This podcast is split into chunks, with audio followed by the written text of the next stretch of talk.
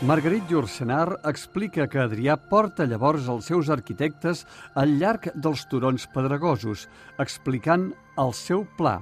el desenvolupament dels 45 estadis de la muralla, més de 7 quilòmetres, i marcant a la sorra la localització de l'Arc de Triomf.